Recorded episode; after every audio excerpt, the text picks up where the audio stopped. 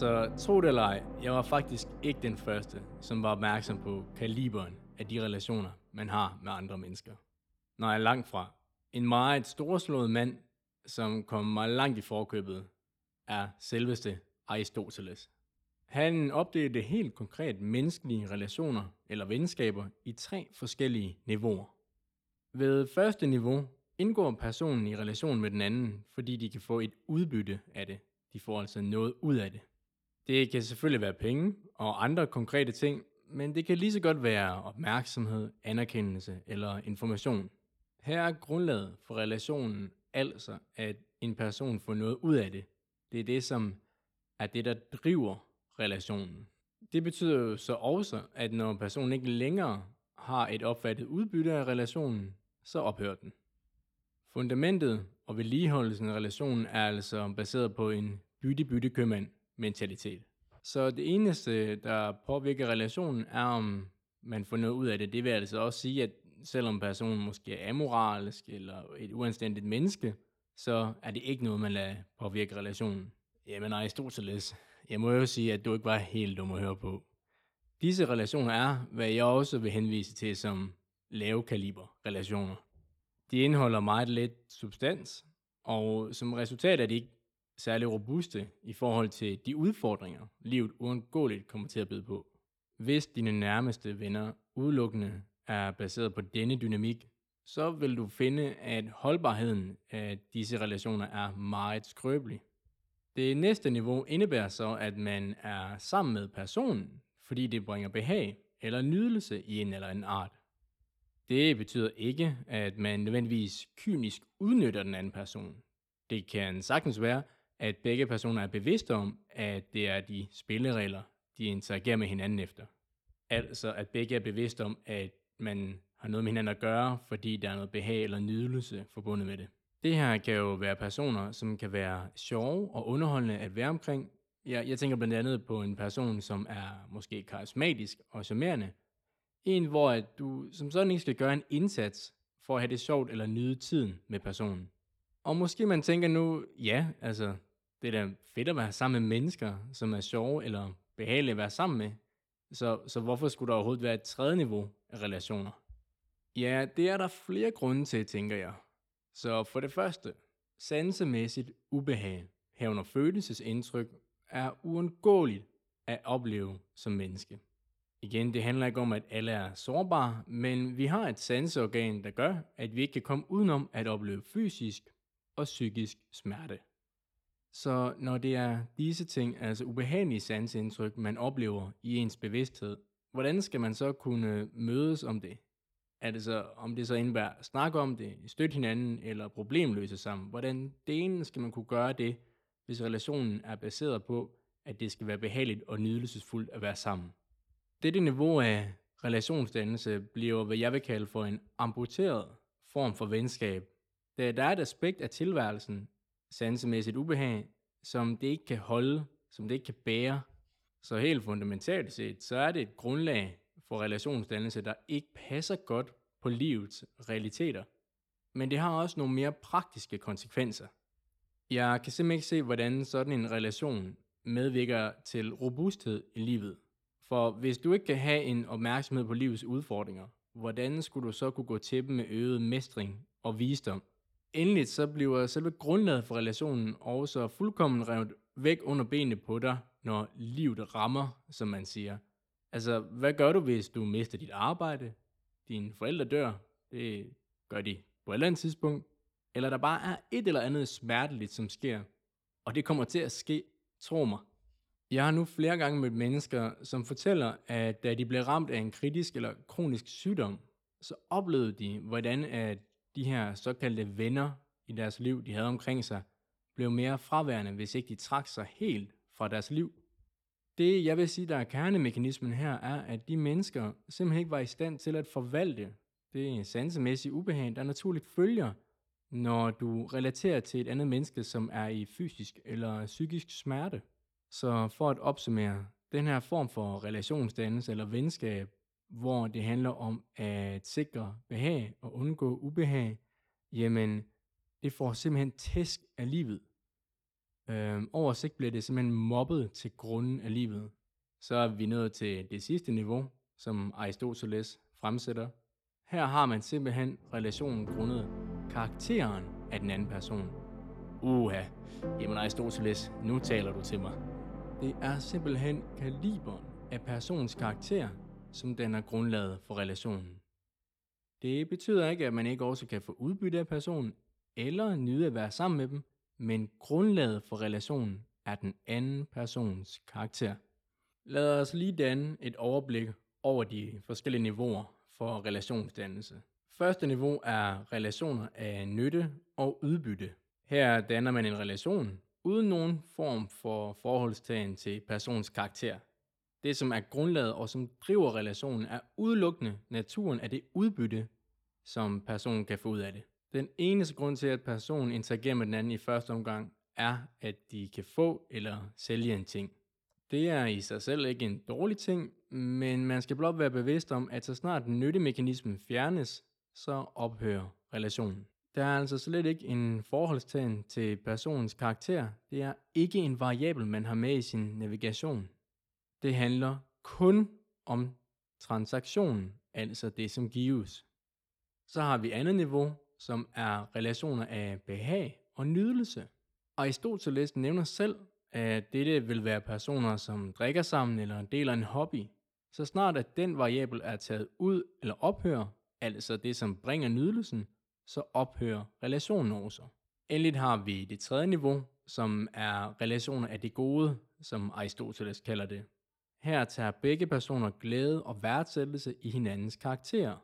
Så længe at begge personer vedligeholder den samme kaliber af karakter, så vil relationen bistå, da motivet bag relationen er oprigtig velvilje for hinanden.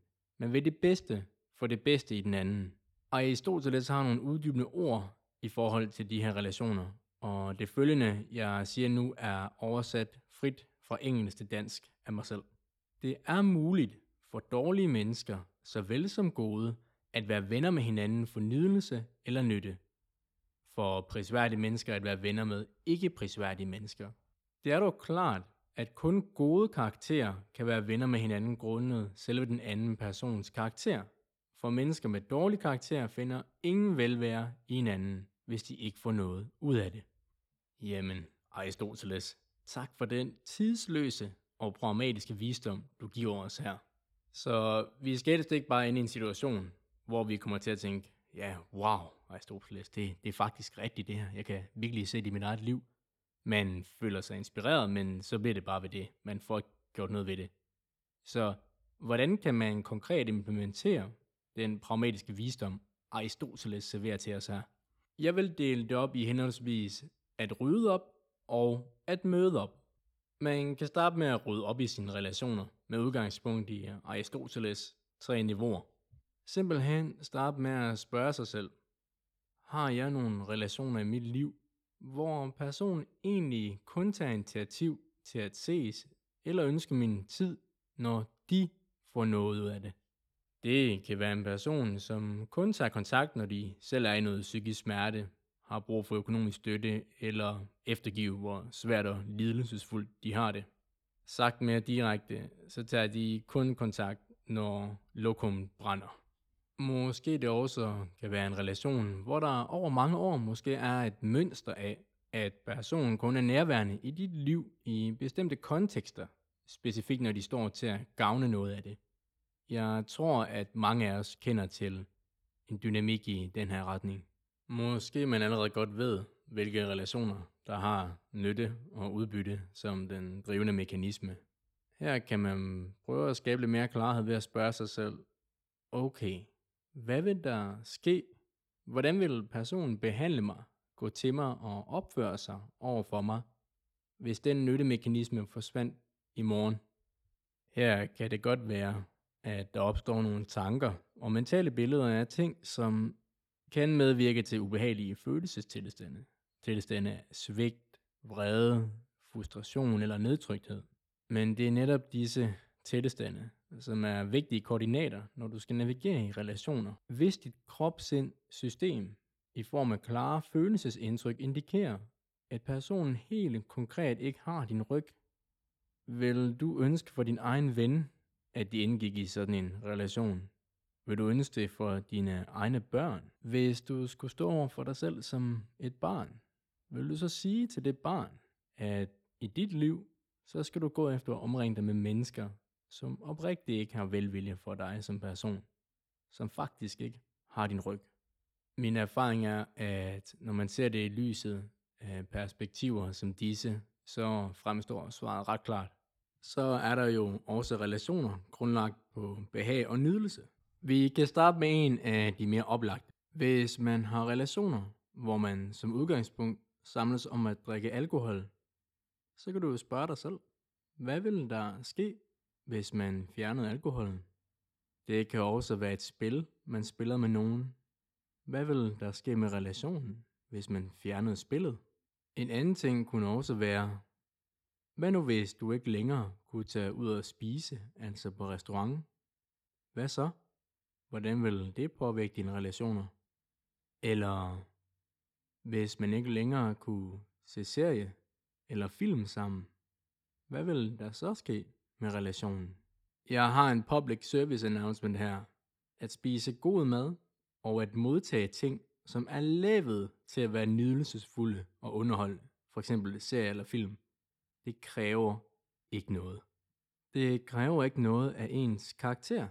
For eksempel med god mad, det eneste det kræver er, at du har nogle velfungerende smagsløg og lugtesans, og så er du der.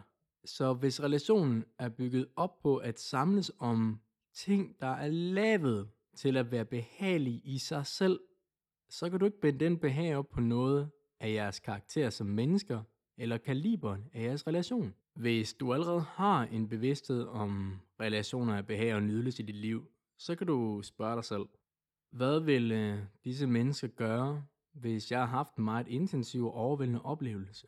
En oplevelse, der vil være god at bearbejde sammen med en anden. Hvad vil personen gøre, hvis de skulle ofre noget bekvemt eller behageligt for at kunne være der for mig? For eksempel aflyse aftaler eller udsætte egne behov. Jeg hører ofte den her med, at man har jo relationer til hver sin ting.